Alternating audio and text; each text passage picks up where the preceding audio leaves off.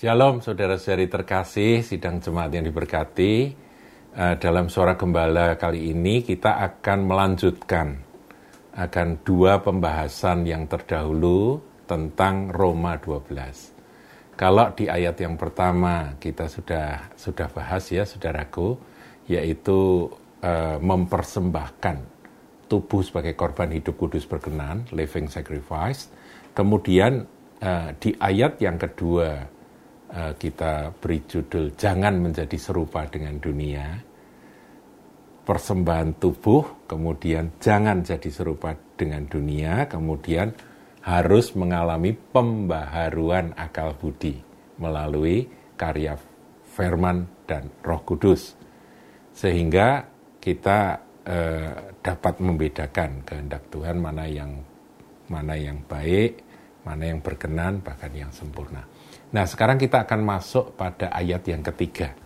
Saudaraku, saya harus jelaskan bahwa ayat yang ketiga dari Roma 12 itu tidak terlepas dari ayat 1 dan ayat 2. Jadi,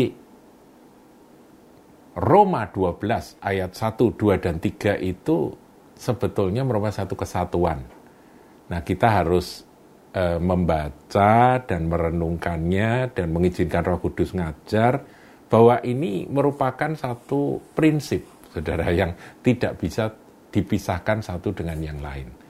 Memang dalam pengajaran yang sudah kita dengar suara gembala yang lalu, saudara me, me, seakan-akan me, apa itu mempelajari satu ayat demi satu ayat, ayat satu temanya apa, ayat 2 temanya apa. Kemudian kita masuk ayat 3 sekarang, saudara. Nah, di ayat yang ketiga ini, kita sekaligus akan melihat satu gambaran besar dari apa yang Rasul Paulus ingin sampaikan. Kaitannya apa ayat 1, 2, dan 3. Paham ya? Mari kita lihat berdasarkan kasih karunia yang dianugerahkan kepadaku, aku berkata kepada setiap orang di antara kamu, janganlah kamu memikirkan hal-hal yang lebih tinggi daripada yang patut kamu pikirkan. Jadi di sini kita temukan apa yang patut kamu pikirkan.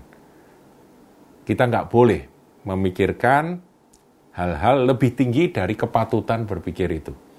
Paham ya saudaraku ya?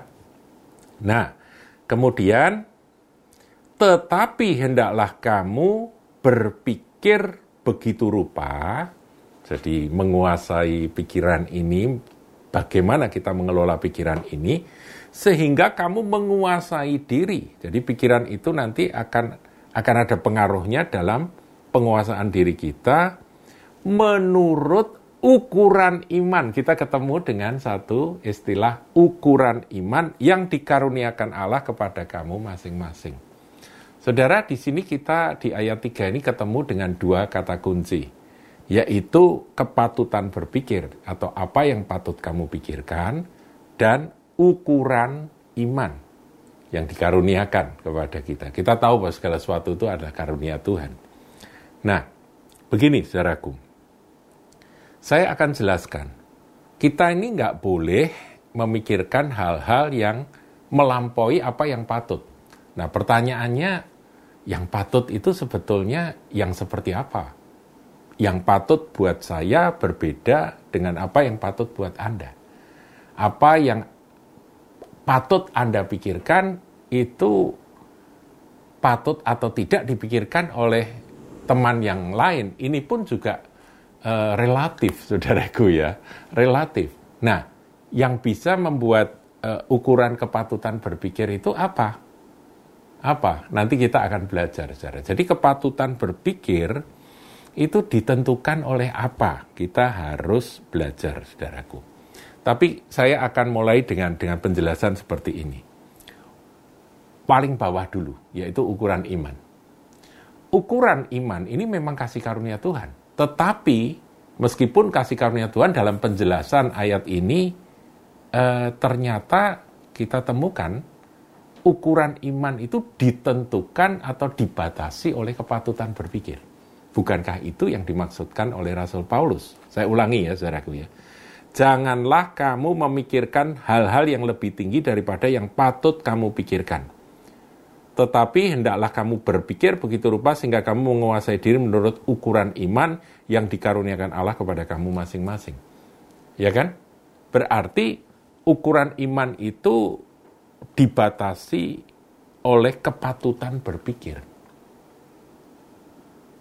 ukuran imanmu seberapa sih? Itu nanti menentukan kamu itu patut berpikir seperti apa. Saya sampai di sini saya berharap Anda uh, menangkap menangkap apa yang dimaksud oleh firman Tuhan ini. Nah, nah sekarang kepatutan berpikir kita itu ditentukan atau dibatasi dengan apa? Ditentukan atau dibatasi dengan proses pembaharuan akal budi yang dikerjakan oleh firman dan roh. Jadi pergaulan saudara dengan firman dan roh itu akan membaharui logika berpikir Anda yang tadinya logika manusia yang punya kepatutan berpikir seperti ini diubah pelan-pelan. Sehingga kepatutan berpikir dari orang yang pikirannya sudah dibaharui oleh firman dan roh itu akan akan membuat kepatutan berpikirnya itu berubah. Berubah, saudaraku kalau di dalam dunia, sekarang saya, saya, saya tinggalkan ini dulu, saudaraku ya, tinggalkan firman ini dulu. Saya akan ngajak saudara untuk uh, berbicara tentang hal-hal yang yang ini apa sehari-hari, yang bukan rohani, saudaraku ya. Begini, aku ini patut atau tidak sih beli mobil, memikirkan untuk membeli sebuah mobil, begitu, mobil baru. Nah, itu ditentukan oleh apa? ditentukan oleh duit yang saya punya. Kalau saya di, di bank saya punya simpanan eh, sekian miliar untuk beli mobil yang harga 200-300 juta, tentunya kepatutan berpikir saya untuk aku aku mau beli yang ini ya yang dua yang 300 juta atau yang 400 juta. Itu tuh tentunya sudah masuk hitungan. Karena apa? Karena saya patut untuk memikirkan itu. Karena ukuran kekayaan saya, ya bukan ukuran iman ya, ukuran kekayaan saya itu membuat saya ini patut untuk memikirkan rencana pembelian mobil itu. Paham ya saudara? Anda Anda mengerti ya? Nah, ini kan kan uh, apa? Yang material, yang material. Sekarang kita masuk yang rohani. Dalam hal rohani itu seperti itu ketika iman Anda itu kuat, iman Anda itu itu apa space-nya itu luas, maka kepatutan berpikir Anda pun akan luas. Gitu. Nah, sebaliknya ukuran iman kita itu ditentukan ditentukan oleh kepatutan berpikir. Ini timbal balik tentunya. Kepatutan berpikir juga ditentukan oleh ukuran iman kan? Nah, sekarang kita naik ke atas, ke ayat yang kedua.